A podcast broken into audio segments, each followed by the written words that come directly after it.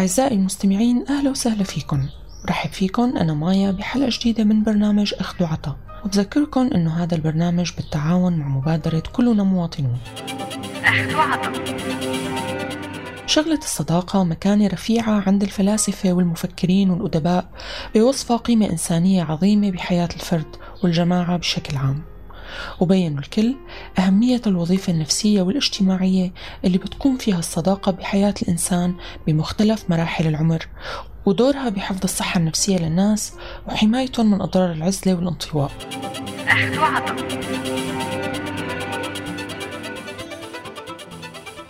التاريخ الإنساني غني بمظاهر الاحتفاء بمفهوم الصداقة وبأثرها بالحياة الإنسانية. وميزوا كبار الفلاسفة مثل أرسطو بين الشخص الصديق اللي بيعرف كيف يكون مقبول لدى الناس وبين الشخص المساير اللي ما بيعارض أي فعل أو قول للناس اللي حواليه وبيتجنب الإساءة إلهم لدرجة ببالغ فيها حتى يكون مقبول لدى الناس بدون ما يسعى لمنفعة شخصية ولكنه مسكون بالرغبة بالإرضاء ومولع فيها. أما الشخص اللي بتضمن مسايرته للناس وموافقته لإرضائه ومنفعة شخصية فهو الشخص المتملق.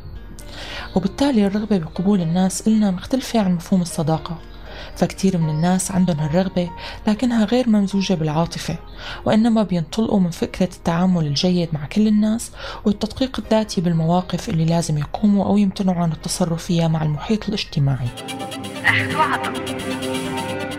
شو بيعني مفهوم الصداقة؟ وشو متطلباتها؟ وشو مننتظر منها؟ وشو تأثيرها بحياتنا؟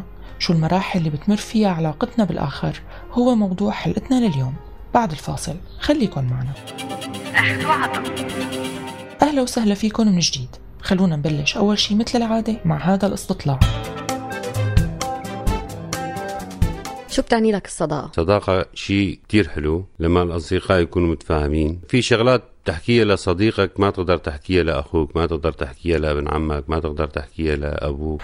الصديق هو الحدا اللي بكون حاببني أو أنا بحبه بس بدون بدون أهداف بدون مبررات. والصديق هو اللي وقت اللي بحتاجه المفروض لاقيه جنبي يعني أنا ما عندي أخوات أصدقائي هن مثل أخواتي. يعني هن وقفوا معي بكل محنة هن اللي بيشاركوني كل فرح.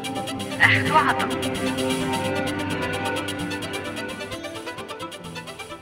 تعتبر الصداقة من الحاجات الضرورية بحياة الناس وبمختلف مراحل العمر. فمهما بلغت مهارتنا وخبرتنا بنبقى بحاجة لرابط الصداقة اللي بيساعدنا على مشاركة أفكارنا وخبراتنا وبيوفر لنا فرصة للتفريغ بوقت الضيق والتعب. معظم الدراسات النفسية الحديثة بتتفق على وجود صلة وثيقة بين التفاعل مع الأصدقاء والتوافق النفسي والاجتماعي بكل مراحل الحياة بصفة عامة وبمرحلتي الطفولة والمراهقة بصفة خاصة. والأدلة على هالصلة ما إلها حصر. أهمها العواقب النفسية والاجتماعية اللي بتنجم عن فقدان علاقات الصداقة الملائمة وهي عواقب تكشف عن نفسها بوضوح بحياتنا الاجتماعية وبالإمكان إدراكها سواء كنا متخصصين أو غير متخصصين بدراسة السلوك الإنساني. وبتبين الدراسات أنه الأشخاص اللي بيفتقدوا الأصدقاء هن أكثر عرضة للإصابة بالاضطرابات النفسية مثل الاكتئاب والقلق ومشاعر الملل والسأم وانخفاض التقدم الشخصي إضافة للمعاناة من التوتر والخجل والعجز عن التصرف الملائم بوقت الشدة. أما من ناحية الصحة الجسدية فبسبب افتقاد الصداقة ضعف مقاومة الجسد للأمراض أو التأخر بالشفاء منها وممكن تزيد معدلات الوفاة وقت الإصابة بأمراض معينة بالمقارنة مع أشخاص بيتمتعوا بعلاقات اجتماعية جيدة بتمدهم بالمساندة الوجدانية. ومن المشاكل السلوكية اللي ممكن تظهر نتيجة فقدان الصداقة بحياة الطفل بنذكر التغيب عن المدرسة ومخالفة التعليمات والنظم المدرسية والميل للانحراف وارتكاب أعمال تخريبية وعدوانية والتأخر بالمستوى الدراسي. وبرجع علم النفس هذا النوع من السلوكيات للرغبة بلفت النظر خاصة بوجود شعور مثل التجاهل والرفض من قبل المحيط. أما عن أهم التأثيرات الإيجابية للصداقة نذكر انخفاض مشاعر الوحدة ودعم المشاعر الإيجابية مثل الثقة بالنفس والشعور بالسعادة والقبول وبتساهم الصداقة بعملية التنشئة الاجتماعية وبتطور آليات للتعامل مع المحيط والعموم. وتعتبر المساندة الاجتماعية أهم وظائف الصداقة وبالتالي فقدان الصديق بيعني خسارة أهم مصدر للمساندة بكافة أشكالها ومنها المساعدة والنصيحة والفهم والتوجيه والحماية من الوقوع بالخطأ. وبيحمل مفهوم المساندة شقين. أولها المساندة المادية المتمثلة بالمشاركة بتحمل أعباء الحياة اليومية والمساندة النفسية المتعلقة بتقديم الآراء والنصح ودعم الثقة بالنفس. وبتتفاوت حاجة الإنسان للمساندة المادية والمعنوية بين شخص وآخر بحسب الظروف وطبيعة العلاقة بين الأصدقاء. بتأمن علاقات الصداقة فرصة للمشاركة بالميول والاهتمامات الشخصية وممكن أنه تبدأ وتتطور علاقة الصداقة نتيجة لهذا النوع من المشاركة اللي بيخلق جو من المرح والتسلية والترفيه وبيعكس المرح الجانب المشترك بعلاقات الصداقة وبيأدي دور مهم بالتطور المعرفي واستثارة الأفكار الإيجابية وخاصة عند الأطفال اللي بيساعدهم المرح واللعب على تطوير المخيلة والإدراك العقلي.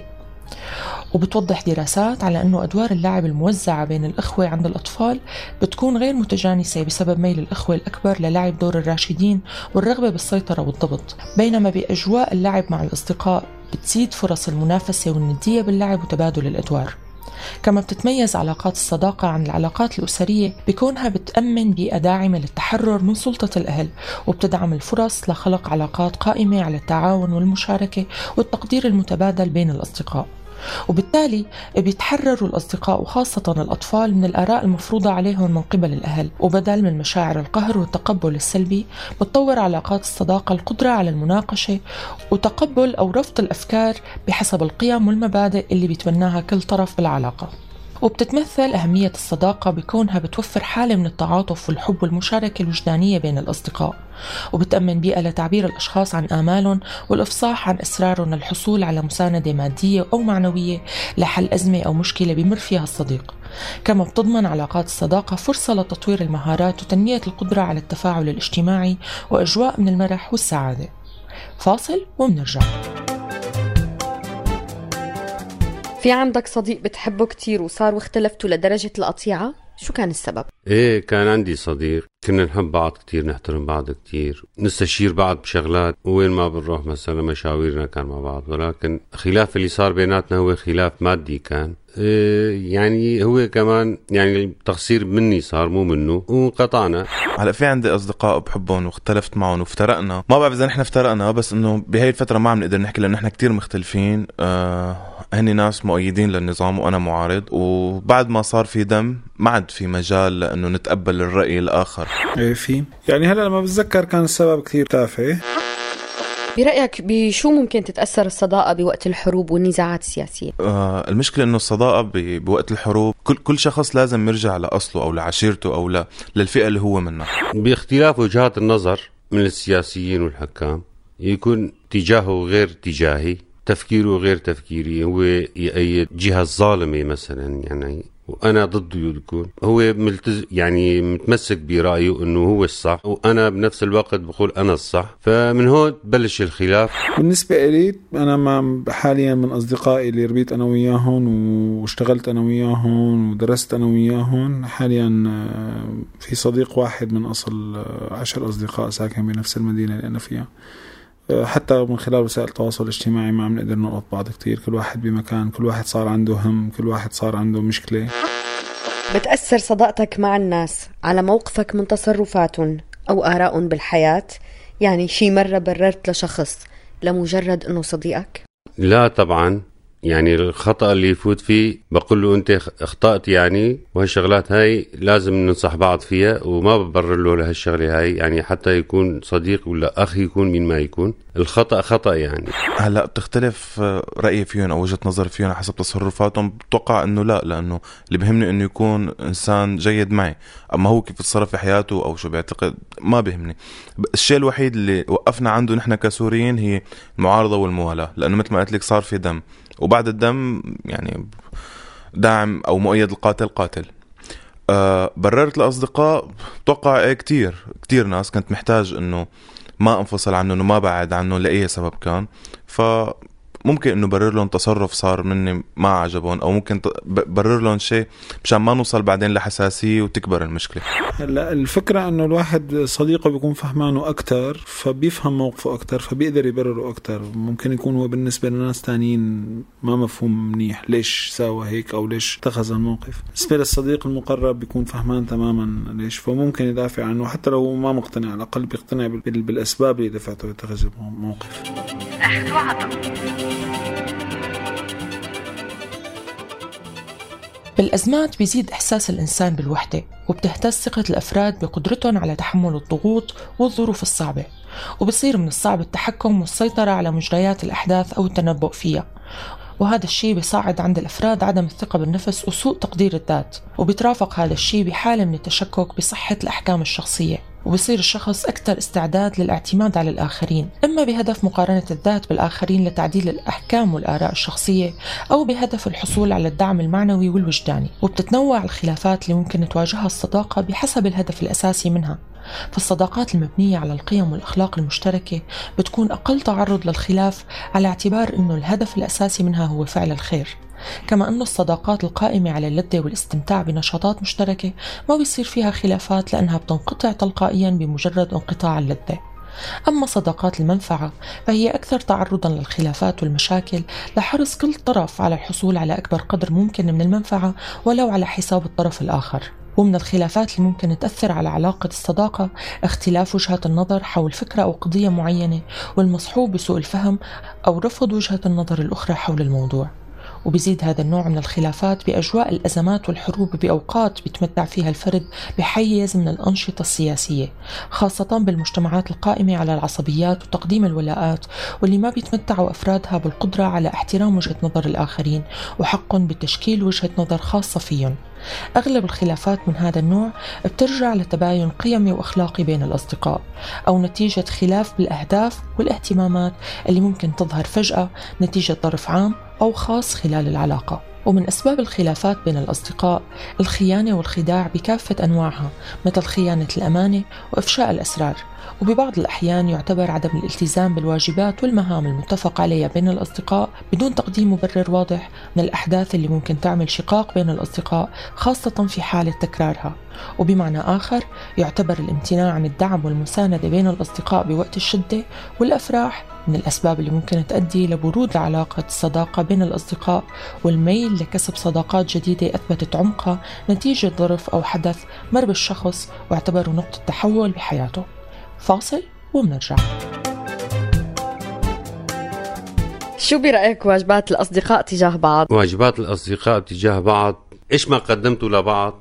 يعني بتحسوا إنه ما قدمتوا شيء لبعض. بما إنه صداقة لازم تقدم كل شيء مساعدة مادية آه، كمرض يكون لا سمح الله يكون مرضان توقف جنبه آه، مصيبة اللي تجي براسه آه، يكون موجودين معه ونحن بنخف هالمصيبة هاي عنه هاي الصداقة يعني الصداقة بهيك مواقف تبين صديق لواحد إنه هالصديق هذا فعلا مخلص إلي.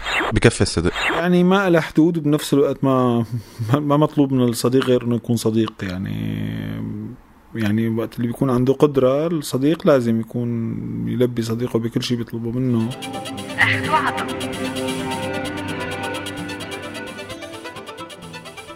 علاقة الصداقة علاقة تبادلية وبحاجة لكثير من التوازن. قد تستمر علاقة حب أو زواج أو العلاقة بين أفراد الأسرة الوحدة حتى مع وجود شخص بالعلاقة بضحي وبيعطي أكثر من الأشخاص الآخرين. لكن بالصداقة اللي هي مبنية على خيار حر بين طرفين غرباء تماما عن بعضهم القيم الأخلاقية بتلعب دور كتير كبير بنمو استمرار هالصداقة أو فشلها. والشعور بالعدالة والتوازن والناتج عن العطاء المتبادل شعوريا وماديا إضافة للصراحة وحفظ السر والاحترام العميق والمتبادل لمشاعر وخصوصية الطرفين لبعضهم هن من أهم العوامل اللي بتحفظ العلاقة بين الصديقين وبالتالي من أهم واجبات الأصدقاء تجاه بعضهم. من الصعب قيام علاقة صداقة بين شخصين بدون حد أدنى من الجاذبية وبيعرف التجاذب بأنه اتجاه إيجابي لشخص أو مجموعة من الأشخاص. وبيتضمن هذا الاتجاه مكون معرفي بيحتوي على مجموعة من المعتقدات والافتراضات والمعلومات عن الطرف الآخر. إضافة لمكون وجداني بيتعلق بمشاعر الحب والتقبل. وأخيرا بيتضمن التجاذب مكون سلوكي بيتمثل بمحاولة التقرب من الشخص المتمتع بالجاذبية. ببعض الأحيان علاقات الحب تتضمن نوع من الصداقة بين الطرفين. وفي منها ببلش بصداقة بتدوم سنوات طويلة قبل الدخول بعلاقة الحب. وبيكون عامل الصداقة فيها أساس بيساعد المحبين على التفاهم والمشاركة وفهم الآخر. كتير من الخصائص المشتركة بين علاقة الحب والصداقة ومنها الاستمتاع برفقة الطرف الآخر وتقبله بإيجابياته وسلبياته والثقة وحرص كل طرف على مصالح الطرف الثاني ومساعدته وقت بيحتاج واحترام الصديق أو الحبيب وحسن الظن بتصرفاته. وفهم شخصية الطرف الآخر واتجاهاته وتفضيلاته ودوافع سلوكه والتلقائية بالإفصاح عن الرغبات والمشاعر الشخصية أمام الآخر. فاصل ومنرجع عندك أمثلة عن صداقات مميزة بتاريخ الشعوب؟ أتوقع لا لأنه الشعوب على طول بتكون مختلفة. لا. المشكلة الحكومات ما بتخلي الشعوب كتير آه، تعمل صداقات مميزة لأنه الحكومات تفهم بالمصالح مو بالصداقات وبالعواطف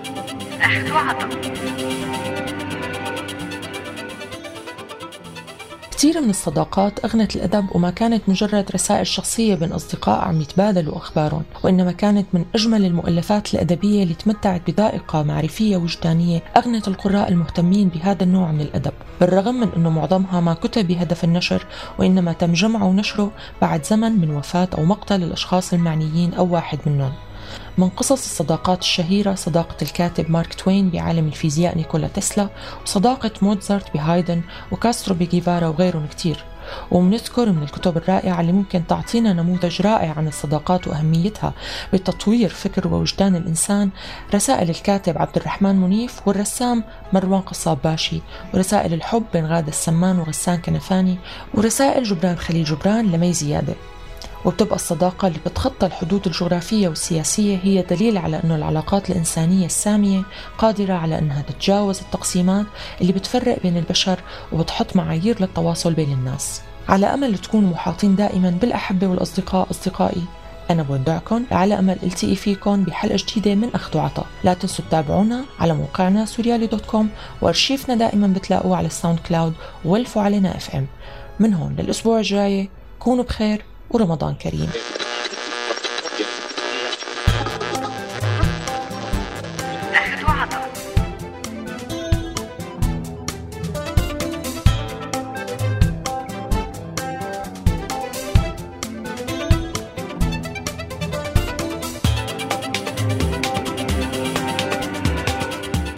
هذا البرنامج من إنتاج راديو سوريالي 2015